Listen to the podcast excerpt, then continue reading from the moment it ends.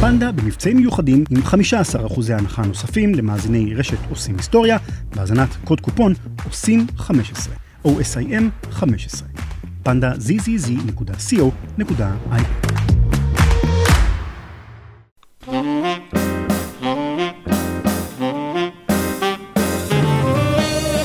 כשבגרוש היה חור, פודקאסט שבוחן את ההיסטוריה דרך החור שבגרוש.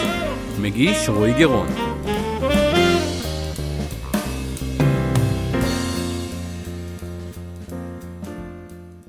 בפרק הקודם התחלנו לדבר על השתלשלות האירועים שהובילה להקמת הבנק הפדרלי של ארצות הברית ב-1913.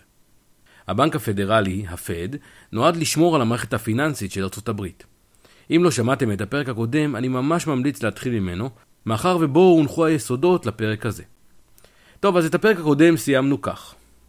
המחקר היום מאשים את הבנק הפדרלי ישירות בשפל הגדול, בעקבות שלל החלטות שלקח לפני ובמהלך המשבר. בואו נפרוט את התפקידים שקיבל הבנק הפדרלי. הוא מפקח על הבנקים וקובע כמה רזרבה הם צריכים להחזיק. מאחר שהבנקים מחזיקים רק חלק מהכסף אצלם, הבנק הפדרלי אמור להלוות להם כסף מזומן, בשעה של ריצה אל הבנקים. בנוסף, הבנק הפדרלי קובע את שיעור הריבית במשק. הוא עושה זאת על מנת לאזן את המשק, להמריץ אותו בתקופות של שפל ולהרגיע אותו בתקופות של גאות. טוב, אז נתחיל בדרישה על הרזרבה. דרישת הרזרבה קובעת את כמות הכסף שהבנק נדרש להחזיק כנגד הפקדונות שלו. לדוגמה, דרישה לרזרבה מינימלית של 10% אומרת שהבנק נדרש להחזיק 10 שקלים על כל 100 שקלים של פקדונות שיש אצלו. את שאר 90 השקלים הוא יכול להלוות בריבית. בעזרת קביעת הרזרבה ניתן להשפיע על יציבות המערכת הבנקאית. רזרבה גבוהה אומרת שבעת ריצה אל הבנקים יהיה לבנק הרבה יותר כסף לחלק למושכים. בנוסף, בעזרת הרזרבה ניתן לשלוט בעקיפין בכמות אמצעי התשלום במשק. זוכרים? בפרק הקודם דיברנו על כך שהבנקים, בעזרת ההלוואות שהם נותנים, מגדילים את כמות אמצעי התשלום במשק. אם יש רזרבה נמוכה, כלומר הבנק נדרש להחזיק כמות קטנה של מזומן כרזרבה כנגד ההלוואות שהוא נותן, אז אפשר לתת יותר הלוואות. המשמעות של יותר הלוואות היא יותר אמצעי תשלום במשק, יותר כסף. אחת ההחלטות של הבנק הפדרלי הייתה להוריד את הרזרבה שהבנקים נדרשים להחזיק. רגע, עוד פעם? זה נשמע מוזר, להוריד, כלומר שיהיו פחות רזרבות? איך, איך זה מייצב את המערכת בדיוק? טוב, בכל מקרה זה מה שהיה. הבנק הפדרלי הוריד את דרישת הרזרבה, ואפשר לבנקים להלוות הרבה יותר כסף ללקוחות שלהם. מה שמאוד שימח את הבנקאים שיכלו להלוות הרבה יותר כסף ולקבל עליו ריבית, ושימח את האזרחים שיכלו לקבל המון הלוואות. ואכן זה מה שקרה. המושג קנייה בתשלומים, ובכלל קנה עכשיו ושלם אחר כך, חדר בשנות ה-20 למיינסטרים. לפני כן, האשראי שימש לעסקים, אבל בשנות ה-20 אנשים קנו בתשלומים ובהלוואות רכבים ומוצרים לבית. כל האשראי הזה הפך את שנות ה-20 למה שאנחנו מכירים בשם שנות ה-20 העליזות.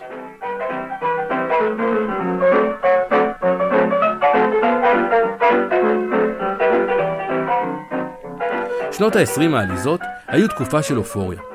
החיים של האמריקאים השתנו. מכוניות שנקנו באשראי החלו לשטוף את הארץ. חקלאים שלא הייתה להם צנרת בבית או חיבור לחשמל, יכלו להרשות לעצמם מכונית, והיא הפכה לכלי עבודה ומסחר חיוני עבורם. גם התשתיות השתפרו.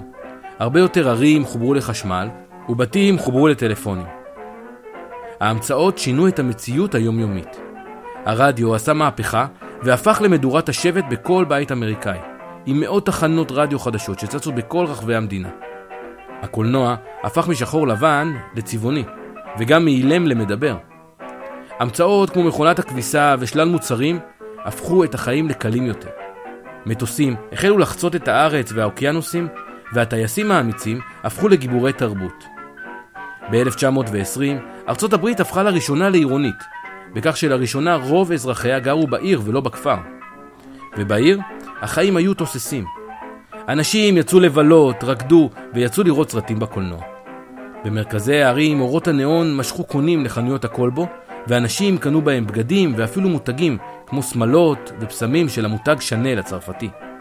התעשייה האמריקאית פרחה.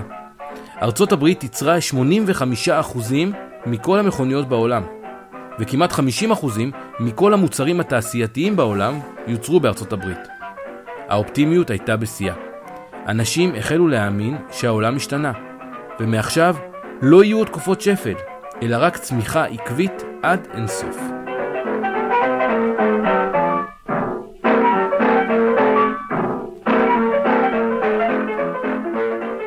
בנוסף לדרישת הרזרבה, הבנק הפדרלי גם שלט בריבית במשק.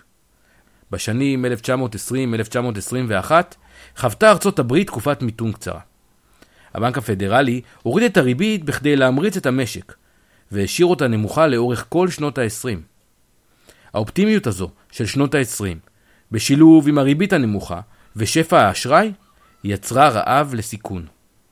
בחיפוש אחר רווחים, הציבור גילה את הבורסה האמריקאית, את וול סטריט.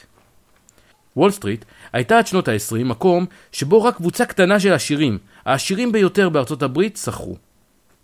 הציבור הרחב גילה את הבורסה במקרה, בעקבות מלחמת העולם הראשונה.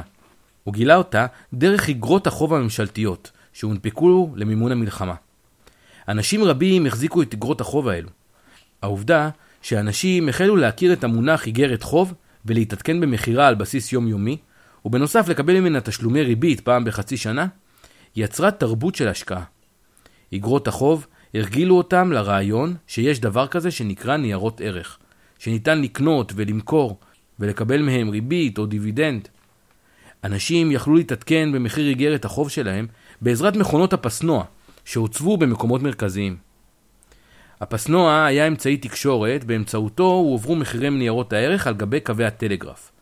הפסנוע כלל סרט נייר שהורץ דרך מכונה, אשר הדפיסה עליו את ראשי התיבות של שמות החברות, ואחריהם מספרים המייצגים מידע לגבי מחירי העסקאות בניירות הערך ושערי המסחר. בטח ראיתם באיזה סרט ישן אנשים קוראים פסי נייר דקים וארוכים בחיפוש אחר המניה שלהם. לאחר שאנשים נחשפו לטכנולוגיה ולרעיון של החזקת ניירות ערך, הדרך לרכישת מניות הייתה קצרה. וול סטריט הפכה למקום הכי מעניין בארצות הברית. הריבית הייתה נמוכה, והאשראי בשפע. ניתן היה לקבל הלוואה של עד 90% לרכישת מניות מהברוקר שלך. במינוף כל כך גבוה, כל עלייה של אחוז מוכפלת ל-10% על המזומן ששם המשקיע. והמניות רק עלו ועלו. אנשים שנכנסו בתחילת שנות ה-20 השקיעו במינוף גבוה והפכו לעשירים על הנייר.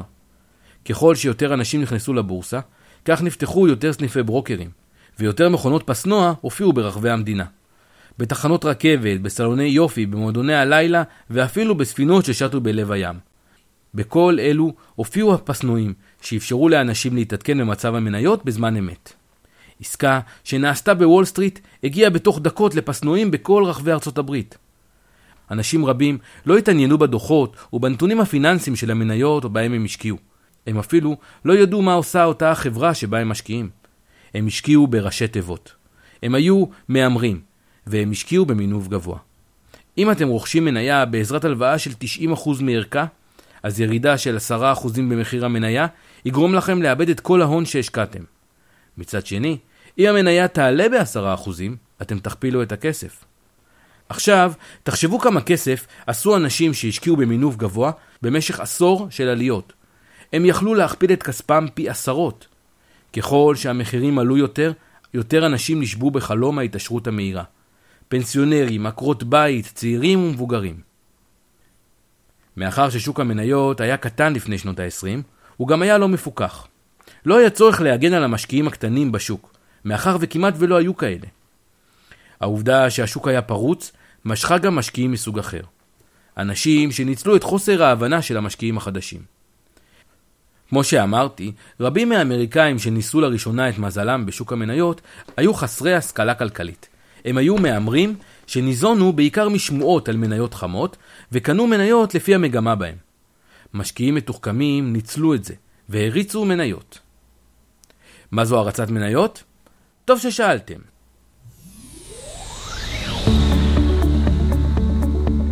רוצים רווח מהיר בשוק ההון? רוצים ללמוד איך להרוויח גם בשוק עולה וגם בשוק יורד? בואו ללמוד הכל על הרצת מניות ושימוש במידע פנים מהמומחים של כשבגרוש היה חור. אין לראות באמור לעיל המלצה לרכישת מניות או לביצוע פעולות בשוק ההון. סביר להניח ששימוש בשיטות המוצגות ישלח אתכם לחקירה ברשות לניירות הערך ומשם לכלא. אז ככה, קחו לכם מניה קטנה ושולית בשוק, שלא הרבה אנשים מכירים, ואיספו כמות גדולה של מניות שלה. לאחר מכן, בעזרת חבר או בעזרת חשבון מניות נוסף, התחילו לסחור במניה ביניכם לבין עצמכם, כל פעם במחירים גבוהים יותר. אתם לא באמת מוכרים או קונים מניות, אתם רק מעבירים אותן מיד ליד, כל פעם בערך גבוה יותר שנותן תחושה של עליית מחירים. בשלב מסוים יתחילו בשוק לשים לב למניה הזו שעולה באופן קבוע כבר כמה חודשים, ואנשים יתחילו לקנות ממנה במטרה ליהנות מהעליות. אם השוק לא שם לב, מומלץ להגניב טיפ בהשקעות למצחצח הנעליים שלכם, ולהעיר את תשומת ליבו למניה. ברגע שמספיק אנשים חדשים מתעניינים ורוכשים את המניה, מכרו את המניות שלכם במחיר הגבוה שאתם קבעתם על ידי מסחר עצמי. אופציה שנייה מיועדת לבעלי הקשרים שביניכם, ונקראת שימוש במידע פנים. אם לדוגמה אתם מכירים מנכ"ל או אדם בכיר בחברה בורסאית, אתם יכולים לבקש ממנו טיפים. לדוגמה, להגיד לכם אם ניסוי בתרופה עומד להצליח, או אם הסכם גדול עומד להיחתם. אתם תקנו ותמכרו את המניות לפני שהמידע יהיה פומבי, ותחלקו איתו ברווחים.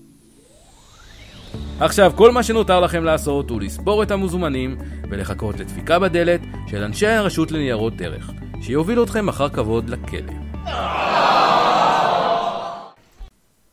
אלא אם כן, אתם בוול סטריט של שנות ה-20.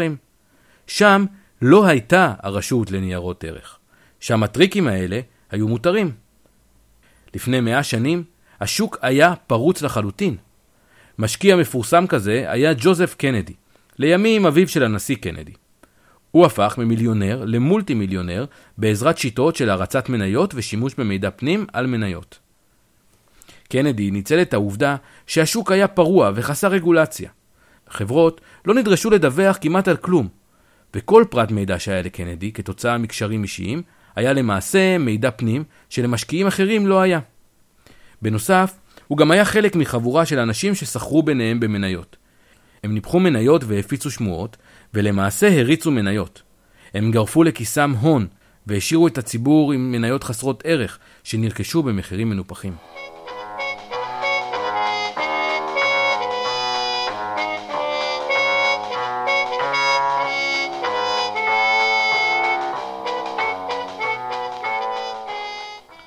ב-1927 נפגשו ראשי ונציגי הבנקים של בריטניה, צרפת, גרמניה וארצות הברית בניו יורק. אחד הנציגים הבולטים בפגישה היה בנג'מין סטרונג, שהזכרנו בפרק הקודם. הוא היה אחד ממקימי הבנק הפדרלי ומנהל בכיר לשעבר ב-JP מורגן. ב-1927 סטרונג היה ראש הבנק הפדרלי של ניו יורק, והאיש החזק ביותר במערכת. סטרונג דגל בדוקטרינת הכסף הקל. ריבית נמוכה ומעט רזרבה, על מנת להמריץ את השוק. בפגישה הזו של נציגי הבנקים מאירופה, סטרונג היה גם נחוש לעזור לאירופה להשתקם כלכלית. אבל ראשי הבנקים ביניהם לא הצליחו להגיע להסכמה. בריטניה ניסתה לחזור לסטנדרט הזהב, אבל היא לא הצליחה להחזיק מספיק זהב. זהב זרם מאירופה לארצות הברית, שבה העסקים שגשגו וההשקעות היו משתלמות יותר. סטרונג הסכים לעזור לבריטניה בכך שהוא יוריד את הריבית בארצות הברית. אם הריבית בארצות הברית תהיה נמוכה, לא ישתלם להשקיע בארצות הברית, וזהב יזרום לבריטניה, שבה הריבית גבוהה יותר. סטרונג ידע טוב מאוד מה זה יעשה לבורסה בניו יורק, שכבר שברה שיאים, מתודלקת מריבית נמוכה ואשראי זול. הוא אפילו אמר, ההחלטה הזו תיתן כוסית וויסקי לבורסה. ואכן, הבורסה עלתה ב-20% לאחר ההחלטה, ובעוד 50% בשנה שלאחר מכן. בשלב הזה כבר היה ברור לכולם שהשוק מנופח. ג'וסף קנדי סיפר שהוא הבין שהזמן לצאת מהשוק הגיע, כאשר מצחצח הנעליים שלו התחיל לתת לו טיפים על מניות. ואגב, זה בדיוק מה שהוא עשה. יותר מזה, הוא ביצע שורט על השוק, כלומר הימר על ירידות. ולא רק שההון שלו ניצל ממה שעמד לקרות, הוא גם הפך לאיש עשיר מאוד. בכל אופן, בתקופה שבה מצחצח הנעליים של קנדי הפך למשקיע, כבר 40% מכל ההלוואות שלקחו האמריקאים היו הלוואות לצורך רכישת מניות. בפד כבר הבינו מה קורה. מה עושה עודף האשראי והריבית הנמוכה לשוק. הם החליטו לנסות להוציא את האוויר מהבועה בזהירות. בסוף 1928 החל הבנק בפעולות לצמצום האשראי במשק והעלאת הריבית בהדרגה. אחת הסיבות הייתה גם מותו של בנג'מין סטרונג באותה שנה. ואיתו גם מותה של דוקטרינת הכסף הקל. הבעיה הייתה שכבר לא הייתה דרך קלה חזרה. הבורסה הפכה למשחק כיסאות מוזיקליים. אנשים העבירו ביניהם מניות במחירים מנופחים, שנקנו בהלוואות של עד 90% משווי המניה. כל אחד מכר במחיר גבוה יותר ממה שקנה לפרייר אחר שקיווה לעשות את אותו הדבר. לא הייתה דרך קלה להוציא את האוויר מהבועה. כמו שאמרתי, וול סטריט הפכה למשחק כיסאות מוזיקליים. והשאלה הייתה רק, מתי המוזיקה תיפסק?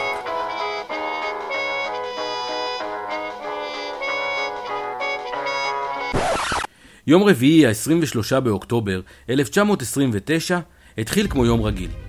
אבל לקראת סוף יום המסחר, ממש בשעה האחרונה, התחילו ירידות משמעותיות במניות הרכב האמריקאיות. אף אחד לא יודע למה זה קרה, אבל התנועה החדה הזו ערערה את הביטחון של המשקיעים. למחרת, ביום חמישי, ה-24 לאוקטובר, הקריסה הגדולה החלה. עם פתיחת המסחר, התרסק השוק ב-11%. נראה היה פתאום שהקונים נעלמו. אנשים רבים רצו למכור מניות, אבל היו הרבה פחות קונים ממוכרים, והמחירים התחילו לרדת, ולרדת, ולרדת. עשרות אלפי אנשים החלו לזרום אל הבורסה ברחוב וול סטריט, לנסות להבין מה קרה, למה המחירים יורדים כל כך. היו כל כך הרבה אנשים שהם מילאו את הרחובות מברודוויי ועד לנהר. 400 שוטרים הגיעו להרגיע את הרוחות. היה חשש אמיתי ממהומות, מפריצה של ההמון אל הבורסה ושפיכות דמים. מחוץ למבנה ניתן היה לשמוע את הצעקות וההמולה שהתנהלה בפנים. סוחרים שמנסים להיפטר מהמניות שברשותם כמעט בכל מחיר. הבנקאים הגדולים של ארצות הברית ניסו להחזיר את האמון לציבור. מנהלי הבנקים הגדולים נפגשו ביניהם באופן בהול על מנת למנוע את הקטסטרופה. התרסקויות רגעיות של השוק קרו כבר פעמיים במהלך 1929, בחודש מרץ ובחודש מאי. זה קרה בעקבות החשש מהאטה בשוק והצמצום של הפד באשראי, וגם עליית הריבית. אבל אחרי ההתרסקויות הרגעיות האלו, השוק חזר לעלות ושבר שוב שיאים. הבנקאים קיוו שכך יהיה גם הפעם, והם ארגנו סכום של 250 מיליון דולר, סכום שווה ערך ל-4 מיליארד דולר של היום, שישמש אותם לרכישת מניות בשוק. ובכך יחזירו את אמון המשקיעים וייצבו את השוק. צריך לזכור שלבנקאים היה אינטרס שהעליות יימשכו. הם נתנו את האשראי ששימש לרכישת המניות. ההתרסקות של השוק תגרום לרבים לא להחזיר את ההלוואות האלו. בסוף היום כבר היה נראה שהתוכנית עזרה. הבנקאים קנו מניות של החברות הגדולות, כמו אמריקן סטיל ועוד חברות מובילות. הבורסה מחקה חלק גדול מהירידות, ויום המסחר הסתיים בירידה של 6% בלבד. ועדיין, היה מדובר ביום הגרוע בתולדות הבורסה, וגם בשיא במספר המניות שנסחרו. 13 מיליון מניות עברו ידיים. אגב, היום מספר מניות כזה נסחר בוול סטריט בממוצע בפחות משתי דקות. אבל ב-1929, כאשר עסקאות נרשמו ביד, בספרים ושודרו במכשירי הפסנוע לכל ארצות הברית, זה היה מספר שיא. למכשיר הפסנוע הייתה מגבלה טכנולוגית שהגבילה אותו ל-285 מילים בדקה. באותו היום היו כל כך הרבה עסקאות, שהמכונות המשיכו לשדר עסקאות 4 שעות אחרי סגירת המסחר. ולמעשה, המידע כבר לא היה רלוונטי. פקידי הבורסה נשארו עד הבוקר בניסיון לסיים לרשום את כל העסקאות שבוצעו, על מנת שהבורסה תוכל להיפתח בבוקר למחרת. ובכל זאת, למחרת, נראה היה שהתערבות הבנקאים עזרה. ביום שישי, ב-25 באוקטובר, הבורסה נסחרה ביציבות, וכך גם ביום שבת שאחריו. הסכנה חלפה. בכותרות העיתונים נכתב, המשבר בשוק המניות עבר. וול סטריט שרדה את היום הגרוע בהיסטוריה. אבל הם טעו. במהלך הימים האלו, אנשים רבים החלו לקבל שיחות טלפון מהברוקר שלהם. הברוקרים ביקשו מאנשים שלוו כסף לצורך רכישת מניות, להוסיף עוד כסף לחשבון, או שהמניות יימכרו. אני אסביר איך זה עובד. לדוגמה, אדם קנה מניות בשווי אלף דולרים, במינוף גבוה, והוא נדרש לשים רק 10% מהכסף במזומן. כלומר, הוא לקח לצורך כך הלוואה של 900 דולרים, והפקיד רק 100 דולרים במזומן. אם מחיר המניות ירד ב-10%, למעשה ההון שלו נמחק לחלוטין. הברוקר לא מוכן לקחת את הסיכון שהמניה תרד עוד. הוא מבקש ממנו שישים עוד מזומן, על מנת להחזיר את יחס המינוף ל-10% מזומן ו-90% הלוואה. הרבה אנשים ברחבי ארצות הברית קיבלו את השיחה הזו. לרבים מהם לא היה עוד כסף לשים, ולכן הם פשוט ביקשו מהברוקר למכור את המניות. לאחר הסופש, ביום שני ה-28 באוקטובר 1929, בבורסה בוול סטריט לא היה ניתן לשמוע את הפעמון שהכריז על פתיחת המסחר. כל מה שניתן היה לשמוע הוא צעקות הסוחרים, סל, סל. המדד צלל בכמעט 13% ושבר שוב שיאים, בירידה הגדולה ביותר ובכמות המניות שנסחרו. ככל שמחירי המניות צללו יותר, יותר אנשים ברחבי ארצות הברית קיבלו טלפון בהול מהברוקר שלהם, שביקש עוד מזומן, או שהמניות יימכרו, ורבים בחרו למכור. זה היה כדור שלג שצבר תאוצה. יום שני, ה-28 לאוקטובר 1929, ידוע בתור יום שני השחור. למחרת היה גם יום שלישי השחור, עם ירידות בסדר גודל זה. בסך הכל, בפחות משבוע, התרסקה הבורסה בוול סטריט ב-40 אחוזים. רוב המשקיעים רכשו את המניות שלהם באשראי הזול של שנות ה-20 העליזות. האנשים האלו הפסידו את כל מה שהיה להם, ונכנסו לחובות עצומים. עשירים הפכו ברגע לפושטי רגל. צעירים נכנסו לחובות כבדים, ופנסיונרים הפסידו חסכונות של חיים שלמים. בתקשורת החלו להופיע סיפורי התאבדות של בנקאים, ברוקרים ומשקיעים. כותב טור בניו יורק טיימס כתב, ביום שבו וול סטריט שינתה כיוון, היית צריך לעמוד בתור בכדי למצוא חלון פנוי לקפוץ ממנו. עיתון לונדוני כתב, רחוב ברודוויי חסום בעקבות גוויות. ווינסטון צ'רצ'יל, שביקר באותה עת בניו יורק, סיפר על פקק תנועה שנגרם בעקבות קהל גדול. לבסוף התברר שפועל בניין עמד על קורה בגובה 400 מטר מעל הרחוב. והאנשים למטה מיד הניחו שמדובר בברוקר שמתכנן לקפוץ ובאו לחזות במופע. אכן, העיתונים נצבעו באותם הימים בהרבה סיפורי התאבדות. במהלך נובמבר ודצמבר התפרסמו כמאה סיפורי התאבדות של בנקאים, ברוקרים, פנסיונרים שאיבדו את הפנסיה שלהם בשוק המניות, וסתם אנשים שלוו כסף לרכישת מניות ונשארו עם חובות כבדים.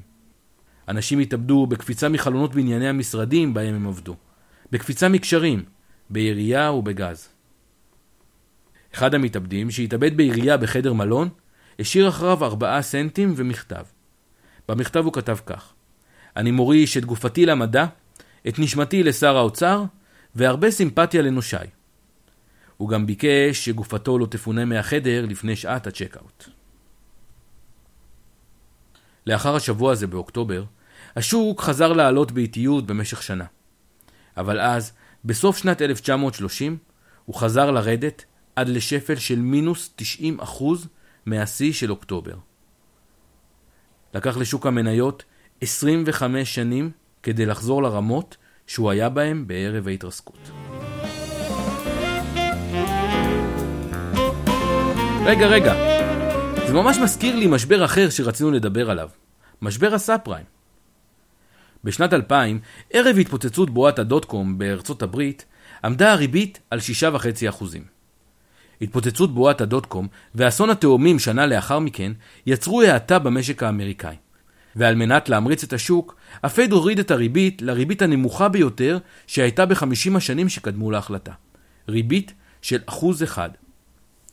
במשך כמה שנים התנהל המשק האמריקאי עם ריבית של אחוז, כאשר האינפלציה עצמה הייתה גבוהה יותר.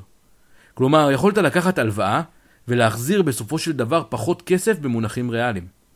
הריבית הנמוכה כל כך אפשרה לאנשים ללוות סכומי כסף גדולים ולשלם תשלומים חודשיים נמוכים מאוד. הכסף הקל החל שוב לנפח את השוק, והפעם היה מדובר בשוק הנדל"ן.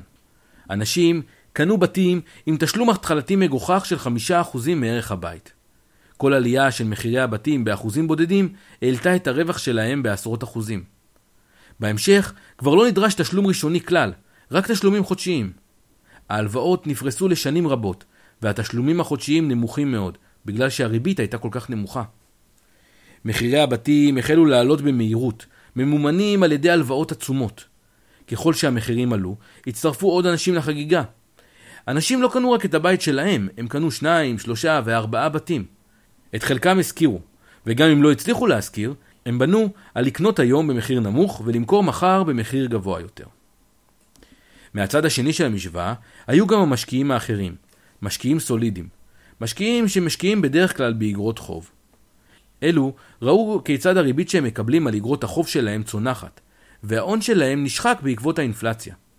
גם הם חיפשו תשואה עודפת, והסכימו לקחת קצת יותר סיכון בשביל זה.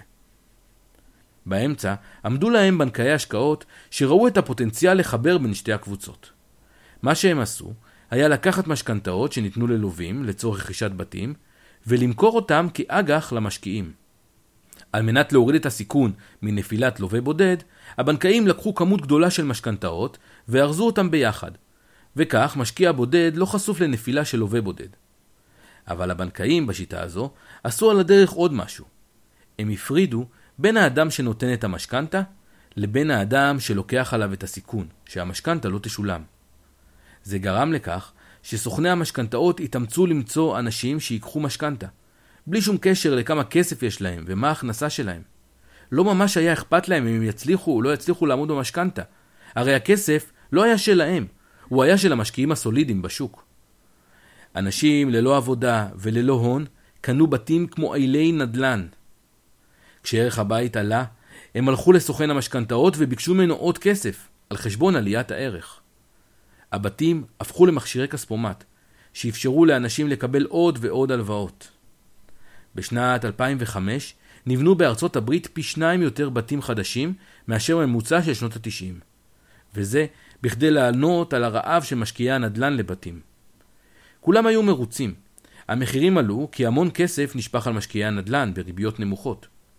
אלו שהשקיעו בנדל"ן היו גאונים פיננסיים שהתעשרו בזכות התעוזה שלהם. סוכני המשכנתאות קיבלו בונוסים שמנים על כל משכנתה שהחתימו, והמשקיעים בשוק ההון קיבלו מכשיר פיננסי מגובה בנכס יציב כמו נדל"ן, שנותן ריבית טובה יותר מאג"ח רגיל. עד שבפד התחילו לדאוג מהנזק שעושה הכסף הקל לשוק.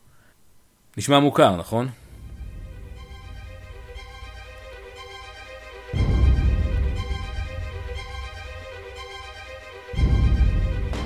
בפד העלו בטווח זמן קצר יחסית את הריבית מ-1% למעל ל-5% לשנה. המשכנתאות שניתנו לאנשים היו במלוואות בריבית משתנה. ההחזר החודשי על ההלוואות האלה היה תלוי מאוד בריבית. כשהריבית עלתה כל כך, ההחזרים החודשיים של הלווים עלו פי שניים, שלושה ואף פי ארבעה. לווים רבים, שהיו ממילא חסרי הכנסה, לא יכלו לעמוד בתשלומים ההולכים וגדלים והפסיקו לשלם. ככל שהריבית עלתה, האפשרות לקחת משכנתה גדולה הפכה לפחות אטרקטיבית, וגם הרעב לסיכון ירד ופחות כסף הגיע לשוק המשכנתאות. המחירים החלו לרדת, וככל שהם ירדו, יותר אנשים ניסו להיפטר מהנכסים שלהם, וגרמו למחירים לרדת אפילו עוד יותר. העובדה שבשנות הגאות נבנו בתים רבים יותר ממה שדרש השוק באמת, רק על מנת לענות על הביקוש המלאכותי, גרם למחירים לצנוח אפילו יותר. בתוך זמן קצר, מחירי הבתים נחתכו ב-33%. האג"חים מגובי המשכנתאות התרסקו בעקבות לווים שלא שילמו את המשכנתה שלהם. בנקים ומוסדות פיננסיים נפגעו גם הם, כי הם החזיקו אג"חים או משכנתאות, והחל מיתון בארצות הברית.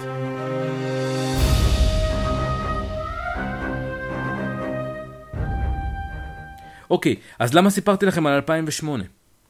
התחלנו בזה שהסיפורים דומים, וזה נכון. ריביות נמוכות ושפע אשראי שלחו משקיעים לסיכון. העלאת הריבית פוצצה את הבועה. ממש דומה. אבל עדיין, ב-2008 השפל היה קצר ורגוע יחסית לשפל הגדול. עשרה אחוזי אבטלה בפיק ומיתון שנמשך כשנה וחצי. זה לא קרוב למה שקרה בשפל הגדול. מה היה ההבדל? או, טוב ששאלתם. נענה על זה בפרק הבא.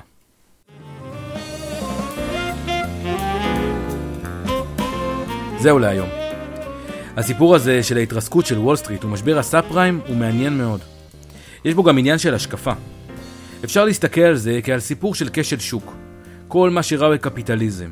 סיפור על בנקאים, תאבי בצע שמנפחים בועות כלכליות והורסים את חייהם של הציבור. או שאפשר להסתכל על זה כעל כישלון של הניסיון של קובעי המדיניות להמריץ או למתן את השוק. הם מעלים ומורידים את הריבית, מזרימים או עוצרים אשראי, ועל הדרך מנפחים בועות ומפוצצים אותן. בכל מקרה, בפרק הבא נמשיך עם עוד טעויות שעשה הפד במהלך המשבר, והרבה לקחים שנלמדו בעקבותיו. אני יודע שהמרווח בין פרק לפרק הוא גדול מדי, ואני מתכנן לשחרר כמה פרקי בונוס קצרים בין הפרקים בתור פיצוי למאזינים. פרטים יינתנו בהמשך. חפשו אותנו בפייסבוק, כשבגרוש היה חור.